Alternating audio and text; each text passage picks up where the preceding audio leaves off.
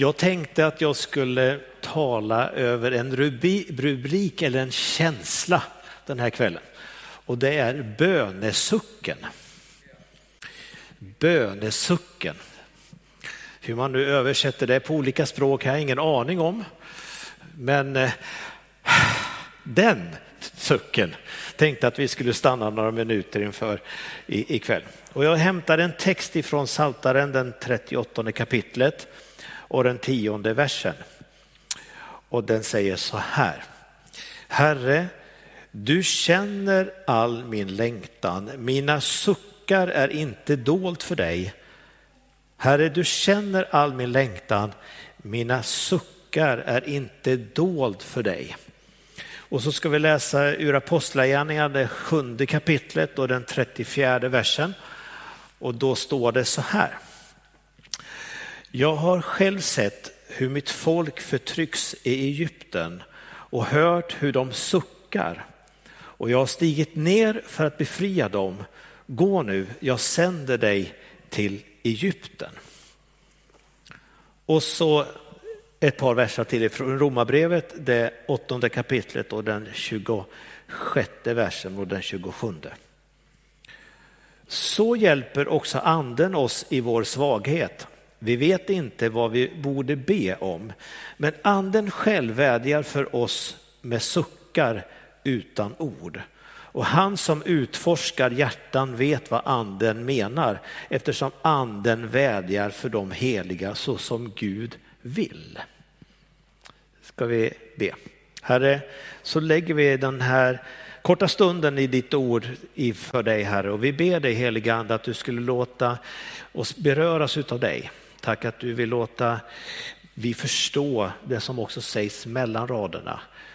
Tack helige Ande för att du vill hjälpa oss att eh, höra din röst en sån här kväll då vi möts till bön. Amen. Man brukar säga att en bild säger mer än tusen ord.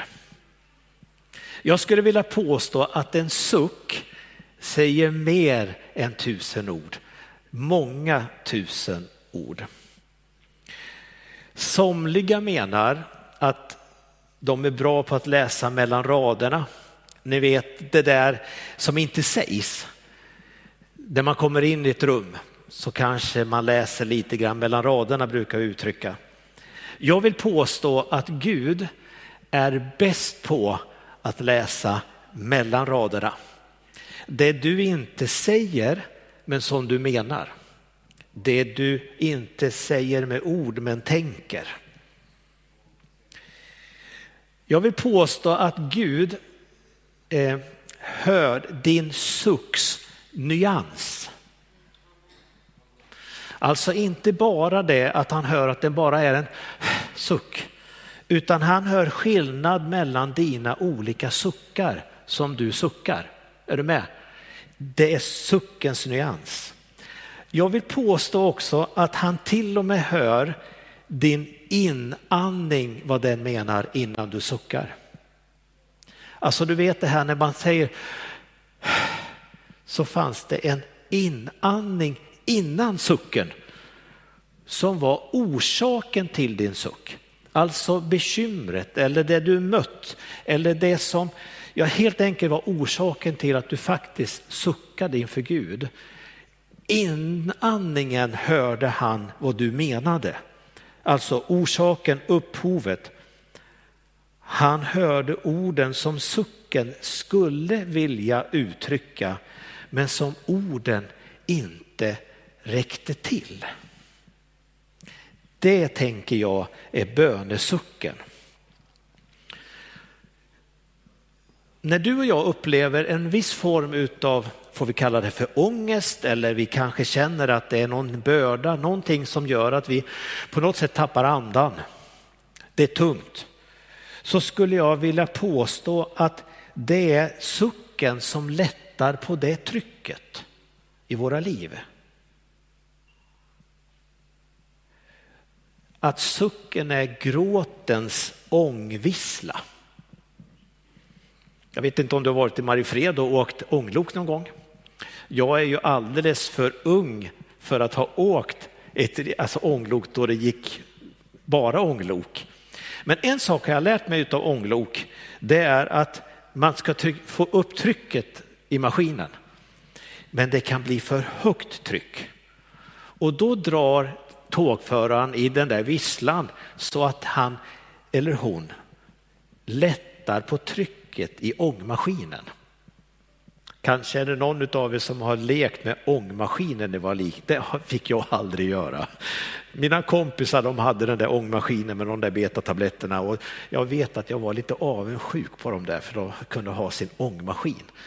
Men när min kompis satte på den där så visste jag att han kunde också dra i den där lilla visslan så att det blev lägre tryck i maskinen så att den inte exploderade. Och jag tänker att sucken och också gråten är det som lättar på trycket i dig och mig som gör att vi behöver sucka. Sucken är något av ånglokets säkerhetssystem. Bibeln lyfter fram sucken också som en ingrediens i livet. Vi läste i Apostlagärningarna om att anden själv manar för oss med suckar utan ord. Det är precis som att anden också behöver använda den där sucken där orden inte räcker till riktigt, men han använder det språket. Och nu kan du få lägga på den där bilden om kärnbibeln vet du, som vi hade lite extra där. Och jag skulle bara vilja använda en vers som kärnbibeln är ju en liten extra översättning vi har på bibeln. Och om ni tittar på texten där så står det så här, på samma sätt hjälper anden oss och så vill kärnbibeln hjälpa oss att förstå texten lite till. Alltså den lyfter upp möjliga översättningar. Det är det som finns inom parentes för dig som ser texten. På samma sätt hjälper anden oss, erbjuder en hjälpande hand för att bistå oss i vår svaghet. För vi vet inte exakt vad vi borde be. Hur vi lämpligast bör be vill Bibeln förtydliga detta. Men anden själv ber går i förbön, vädjar för oss människor, med, för oss med suckar som inte kan beskrivas med ord. Det är som det är ett bönespråk. Det som å ena sidan kan kännas som en tung, åh vad jobbigt, så är det som ett språk som Gud får höra genom anden. Och det står om anden att han utforskar djupen hos Gud och djupen inom oss och som gör att när anden vädjar för oss med de här suckarna så vet han precis hur du har det. Du, du är inte dold för honom, utan han ser det som du inte orkar säga till någon, det ser han. Det du inte orkar förklara för någon ser han redan. För han utforskar djupen hos dig. När jag tänker på suckar, när, ja, alltså jag kan ju gå och sucka på jobbet kanske när jag tycker att det är lite småjobbigt, som ni alla andra gör också kan jag tänka mig. Men för mig har suckarna ofta varit ett namn som jag säger. Och hör och häpna, det är inte Kalle, det är inte Rut, det är inte Caroline, det är ingen annan än faktiskt Jesus. Och jag lägger märke till att jag kan gå och och säga bara det namnet som en suck, Jesus. Och ni vet, det händer någonting då. Och jag skulle vilja stanna någonting utav den sucken. Jag vill påstå att våra böner suckar vilar på namnet Jesus. Men vi kanske ibland inte ens säger det, utan det vilar på Jesus. Det är suckens vädjan, det är suckens förhoppning. Det där, det där sucken får sitt svar och sitt amen. Det är liksom adressen för sucken, det är Jesus. Därför kan sucken få andas namnet Jesus. Den kan säga namnet Jesus. En sak till om sucken. Jag har förstått det på något sätt, nu kanske jag är ute på lite svag is, men jag tror faktiskt att det är så här. Och nu kan ju någon få rätta mig efteråt. När vi får för mycket koldioxid i lungorna så behöver det andas ut. Och sucken hjälper till med det. Koldioxid för mycket i lungorna är inte bra. Det behöver rensas ut. Och då är det som att sucken rensar det. Då tänker jag mig, jag tänker mig att det rensar vår själs oro, våra bekymmer och det som för oss orsakar den här sucken, det rensas ut. Bibeln har ett, en, en, vad ska man säga, en, en känsla utav att namnet var viktigt. Alltså namnet, Bibeln säger att vi ska tro på det namnet, namnet Jesus. Och när man läser det lite hastigt så skulle man kunna få den känslan av att namnet nästan är viktigare än själva personen. Men namnet i Bibeln är väldigt centralt. Ett exempel. Abraham. När Abraham fick sitt namn Abraham så hette han ju inte Abraham som han sen fick heta, utan han hette ju Abraham. Och sen fick han löftet om att han skulle bli far till många folk. Då får han ett nytt namn, Abraham. Och Abraham lär betyder storfader och Abraham betyder fader till många. Så namnet ändrades i den här kallelsen. Vi läser i Johannes 1 om Petrus. Ska vi titta på Johannes 1 och 42. Och han förde honom till Jesus och Jesus såg på honom och sa, du är Simon, Johannes son, du ska heta Kefas. Det betyder Petrus. Och så läser vi Matteus 16 och 18 så här. Och jag säger dig, du är Petrus och på den klippa ska jag bygga min församling och helvetets portar ska inte få makt över den. Så när Petrus får sitt uppdrag så byter han namn till Petrus. Namnet var inte kopplat till en persons, namnet var kopplat till en persons uppdrag på något sätt och gav dess auktoritet när vi läser om det. Och vi i vår kontext, alltså när jag jobbar på second hand så möter jag många olika namn. Människor som kommer och säger det, nu ska ni handla det här eller skicka det här och så kommer det någon med något konstigt namn för mig. Och när det kommer någon ifrån något annat land då brukar jag alltid fråga, vad betyder ditt namn? Säger jag det till en som har ett svenskt klingande namn så får jag sällan något bra svar. Men fråga någon som kommer från ett annat land, till exempel Mellanöstern och sånt där, då säger de alltid, jo mitt namn betyder det här. Det är som att vi har tappat det i vår kontext. En del kanske inte ens tänkte på när de gav sitt barn namnet. En del kanske ville att han skulle heta Zlatan eller något annat sånt namn som var från en idol eller något sånt där. Men vi tänker inte ofta så mycket på vad vi sätter det. När, när vi gick och väntade Simon, min yngste son, då hade vi först fyra år tidigare fått en Andreas. Och Andreas, han är född 1991 och, och eh, som, som vi, vi önskade ett barn till. Och eh, vi, vi fick inte ett barn till på en gång. Vi fick ett missfall och det, det, tog tag i oss och vi tyckte, Gud vad menar du med det? Och så bad vi om att vi skulle få ett barn till och det dröjde. Fyra år senare så får vi ett barn. Och det här barnet det var en pojk och när han föddes så var det liksom på något sätt givet att han skulle heta Simon. Och jag tänkte inte mer på det. Nej, men det är klart han ska heta Simon. Är det någon som vet vad Simon betyder?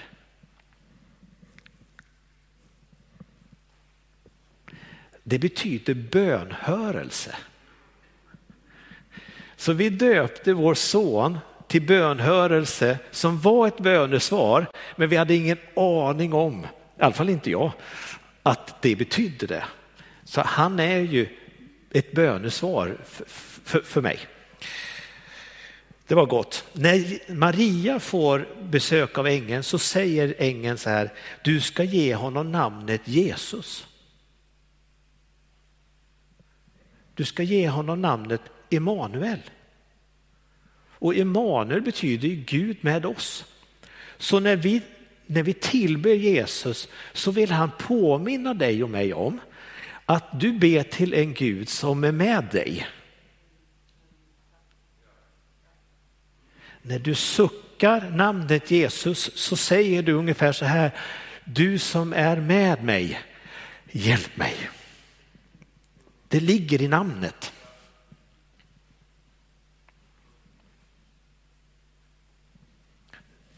Vi sjunger så här igen. Jag ska se om vi får fram texten på den. Du kan den här tror jag. Jesus, Jesus, Jesus, det namnet är han för mig. Jesus, Jesus, Jesus, som solsken efter ett regn. Jesus, låt det ljuda kring jorden all.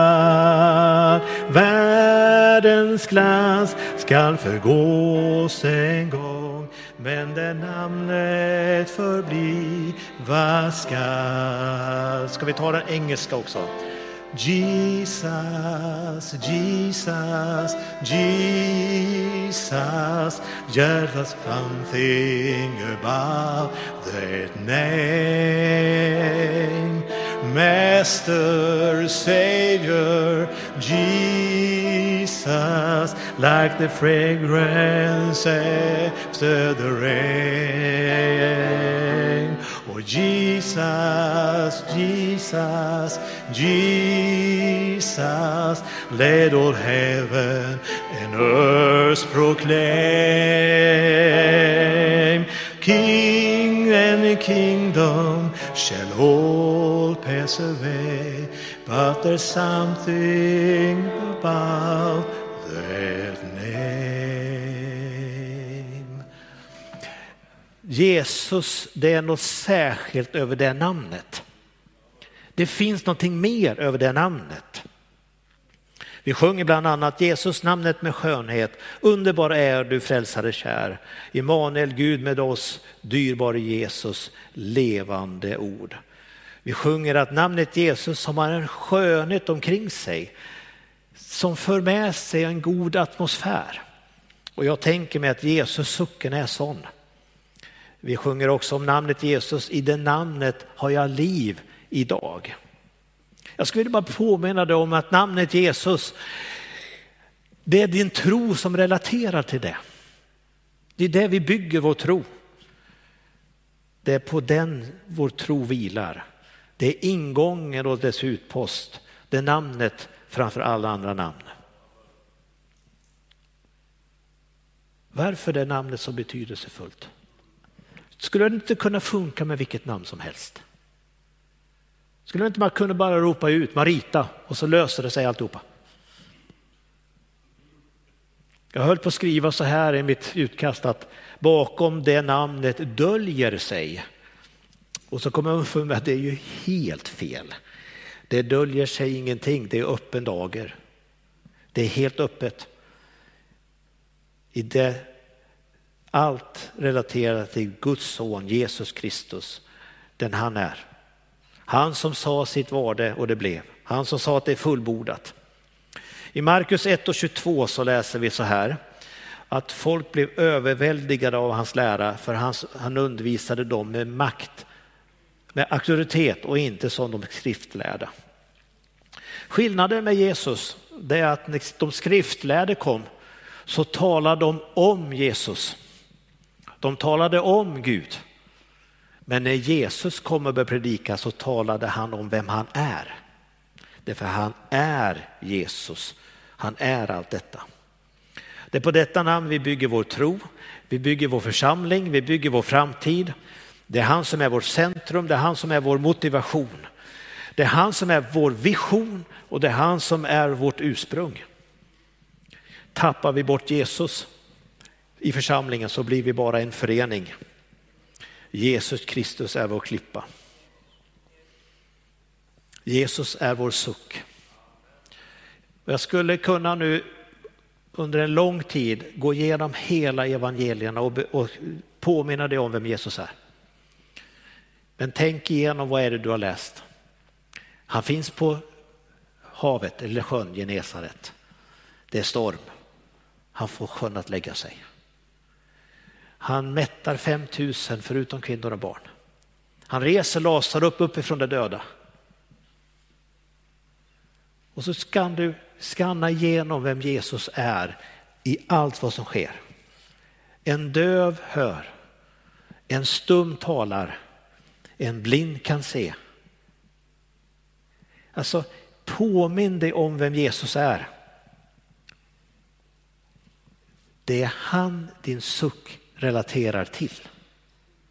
Det är han som du låter det vara till. Det finns täckning bakom det namnet. När du i din ensamhet säger namnet Jesus är det inte vilken person som helst du säger det till. Det är Guds son. Claes Vårstedt har skrivit en sång som jag tänkte att jag skulle citera för dig. Jag ska inte sjunga den. Du är den som jag följer, för varje steg leder du mig. Även i den mörkaste natt är du med mig, inget mörker är för mörkt för dig. Du för mig till vatten och jag finner ro, du ger mig ny kraft för var stund. Din nåd är för evigt trogen mig, jag får vila på din bergfasta grund. Och så skriver han så här i refrängen, ja, när alla andra vägar leder bortåt, då visar du den väg som leder hem. När alla andra ljus har slocknat, då lyser namnet Jesus än.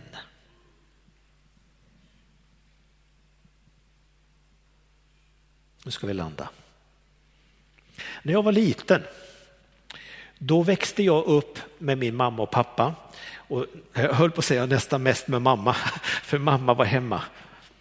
Och jag kunde höra henne gå och säga ungefär så här, Jesus, gode Gud, Jesus, gode Gud, Jesus, gode Gud. Och så kunde jag höra det slamra i, i disken. Och sen kunde jag höra henne laga mat och så kunde jag höra henne, Jesus, gode Gud. Och så kom den där dagen då mamma skulle börja jobba lite grann, då var hon dagmamma, alltså hemma. Så då kom det en liten kille från en familj där och så, så hörde han nog det också. Så det hände att han satt under bordet, denne lille kille på ett eller två år, två kanske, eller under trappen och så kunde man höra honom säga så här, gode, gode, gode, gode, gode, gode. Så, här. så hörde han min mamma säga det. Så är jag uppvuxen, uppväxtig. Det är så många gånger som orden inte räcker till. Det är så många gånger som orken inte räcker att forma bönen. Det är så många gånger som det är svårt på grund av omständigheterna att forma bönen så många gånger som de många orden bara blir fattiga. När allt annat prövat så finns namnet Jesus kvar. När du upplever att klimatet på jobbet är allt annat än gott på din skola, var du än är någonstans, så finns det namnet Jesus att be. Då finns det ett namn att säga, att sucka, att viska, att tänka. Och du vet, det räcker med några ord från, från, från dig i tanken och Jesus vet precis att kunna förändra. Han hör det du säger bakom Jesus. Du vet de där orden som är dolda ligger helt öppet för honom. Så mycket mer är det än att läsa mellan raderna för Jesus. Jesus är det han talar om. Jesus är det han gör. Han har auktoritet. Det finns, då finns det ett namn som räcker att be när all andra ord inte funkar.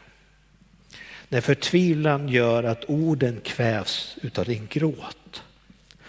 När hoppet känns ute och uppgivenheten finns så räcker det ett namn och det är Jesus. Du behöver inte ens säga det, du kan bara sucka det. Pelle Karlsson sjöng som, som du sjöng Caroline, han böjde sig ner. Han böjde sig ner. Så här står det i salmen 42. Jag väntade och väntade på Herren och han böjde sig till mig och hörde mitt rop. Han drog mig upp i fördärvets grop ur den djupa dyn. Han ställde mina fötter på klippan och gjorde mina steg fasta. Han lade in en ny sång i min mun, en lovsång till vår Gud. Många ska se det och frukta och förtrösta på Herren. När vi säger de där orden som sucken vill säga så böjer han sig ner. Det finns inget djup som är för djupt för Gud. Vi kan ha svårt att ta oss både upp och ner, höll på att säga. Men hur djupt du än känner att du är så kan Gud böja sig ner till dig och så kan han säga, jag hör dig. Jag ser dig. Jag förstår dig. Jag vet precis vad du säger. Den sucken som du inte kan beskriva med ord hör han. Det finns inget djup som är för djupt för honom. Då lyser namnet Jesus kvar. När allt annat slocknat, när alla andra vägar verkar leda bort så lyser namnet Jesus klart. Viska namnet Jesus. Din sucks, sucks tysta rop är kristallklart för honom. Jag vet inte om du har suckat idag. Jag vet inte om det har varit den där grymma sucken som gör att du orkar inte. Men jag kan tala om för dig, han har hört dig. Han vet vad du har sagt. Han har läst dig mellan raderna. Och jag skulle bara vilja be med dig ikväll. Kan du sucka så är det gott nog för Jesus hör din suck. Herre, tack att du hör suckar. Hur vi än suckar och hur den är bakom så vet du Herre vad vi säger. När orden inte räcker till, när orden är fattiga så vet vi Herre att dina suckar, eller våra suckar, är en kristallklar beskrivning över läget. Herre, tack att du har sänt en helig ande som suckar för oss. Och jag ber dig Herre att vi ska bara kunna få vila i det. Tack att det räcker att säga ditt namn, för du har täckning bakom ditt namn. Amen.